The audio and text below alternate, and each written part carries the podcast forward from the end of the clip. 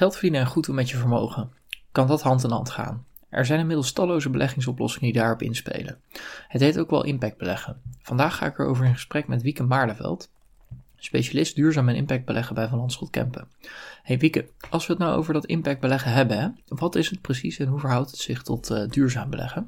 Ja, Marnix, dankjewel. Um, en een goede vraag. Um, kijk, in beide gevallen beoordeel je als belegger een bedrijf niet alleen op financiële resultaten, maar beoog je ook rekening te houden met effecten op uh, mens, milieu en, uh, en maatschappij. En uh, ja, laat ik eerst even ingaan op duurzaam beleggen. Bij duurzaam beleggen beoordeel je bedrijf op, op duurzaamheidscriteria, ook wel ESG genoemd, wat staat voor Environment, Social en Governance criteria. En probeer je met je beleggingen en de keuzes die je daarin maakt, zo min mogelijk schade toebrengen aan de omgeving. Hè, naast dat je een financieel rendement wil behalen. Nou, dat kan je op verschillende manieren doen. Je kan bijvoorbeeld uh, ervoor kiezen om bepaalde bedrijven niet te beleggen of bepaalde sectoren niet te beleggen, zoals de tabaksindustrie of bedrijven die zich schuldig maken aan vormen van corruptie of mensenrechten schendingen. Een ander aspect uh, van duurzaam beleggen is dat je als aandeelhouder in gesprek gaat met een bedrijf om dienstduurzaamheidsprestaties te verbeteren. Dus je gaat dialoog aan en je spreekt een bedrijf erop aan als zij bijvoorbeeld betrokken zijn bij, uh, bij milieuvervuiling.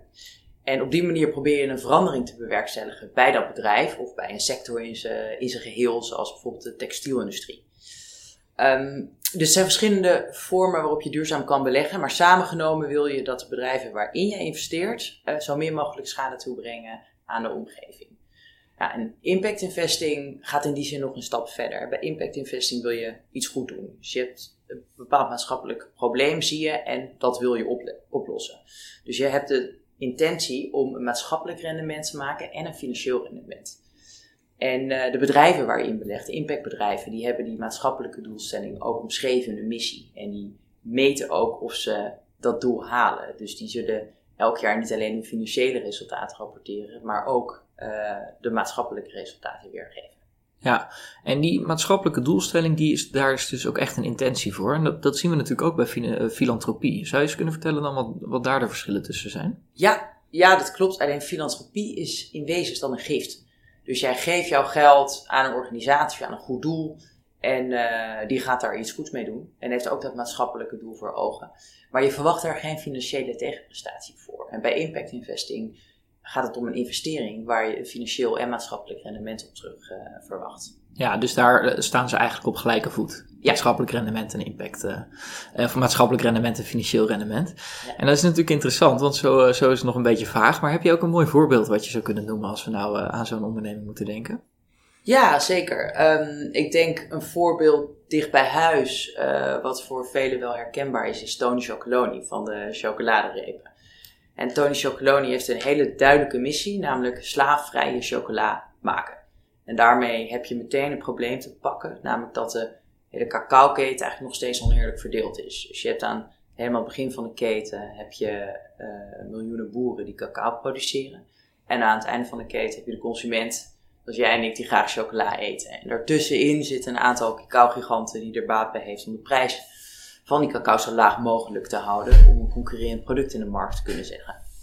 En hè, je moet je voorstellen, een cacaoboer die verdient nou, nog geen 80 eurocent per dag. Nou, daar kan je geen gezin van onderhouden.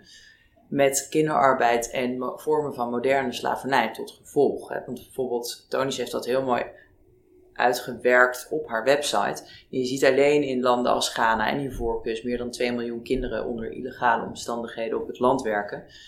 Omdat hun ouders te weinig verdienen met de oogst. Ja, en dat probleem wil uh, oplossen. En dat doen ze op, uh, op een aantal manieren. Ze kopen bijvoorbeeld alleen maar traceerbare bonen in. Dus ze weten bij welke boeren zij zelf inkopen. Um, die boeren betalen zij ook een, uh, een eerlijk loon. Dus ze hebben een prijspremie van zo'n 30, 40 procent. Waardoor ze een leefbaar inkomen kunnen verdienen en hun boerenbedrijf kunnen laten draaien. En ze werken uh, onder andere ook samen aan de professionaliteit van boerencoöperaties om hun positie te versterken. Dus wat je in dit voorbeeld ziet, Tonis heeft een hele duidelijke maatschappelijke missie. Uh, dat integreren ze ook in een aanpak. En ze rapporteren ook een duidelijk uh, maatschappelijk rendement. Naast dat ze natuurlijk financieel resultaat behalen met de verkoop van chocola. Ja, en het is natuurlijk knap hoe zij op basis van een businessmodel toch zo'n hele markt eh, weten op te schudden. En wat natuurlijk ook knap is, is dat ze gewoon ook onwijs lekkere chocola maken. Precies. Ehm, en daarnaast, maar is het wel interessant om te kijken ook hoe wij als Van Landschot eh, daar onze klanten in faciliteren. Zou je daar eens wat meer over kunnen vertellen? Ja, zeker. Wij hebben een adviesservice eh, waarmee wij klanten begeleiden in het formuleren van een maatschappelijke missie en op het gebied van zowel impact investing als filantropie. En om uiteindelijk te komen tot ook een geef- en investeringsstrategie. En daarnaast uh, bieden wij natuurlijk impact beleggingsoplossingen aan. Hè. En dat zijn fondsen van uh, derde partijen. Maar we hebben ook ons eigen impactfonds uh, opgericht een aantal jaar terug. Dus de Camper Global Impact Pool. En dat is een pool waarmee wij wereldwijd in een aantal impactfondsen beleggen, niet beursgenoteerd. En daarmee zowel een financieel als maatschappelijk rendement nastreven binnen een aantal impactthema's. Dus het fonds draagt bijvoorbeeld bij aan het beperken van klimaatverandering, maar ook aan het creëren van werkgelegenheid in bepaalde regio's of het verduurzamen van de productie- en consumptieketen. Uh, dankjewel Wieke voor jouw tijd, voor deze interessante uh, ja, uh, storyline ook over wat impact beleggen is en de verschillen tussen duurzaamheid en filantropie. Ja, geen dank maar niks. Mocht je nou meer informatie willen hebben over impact beleggen, neem dan contact op met uw adviseur of kijk op uh, slash aanbod slash beleggen.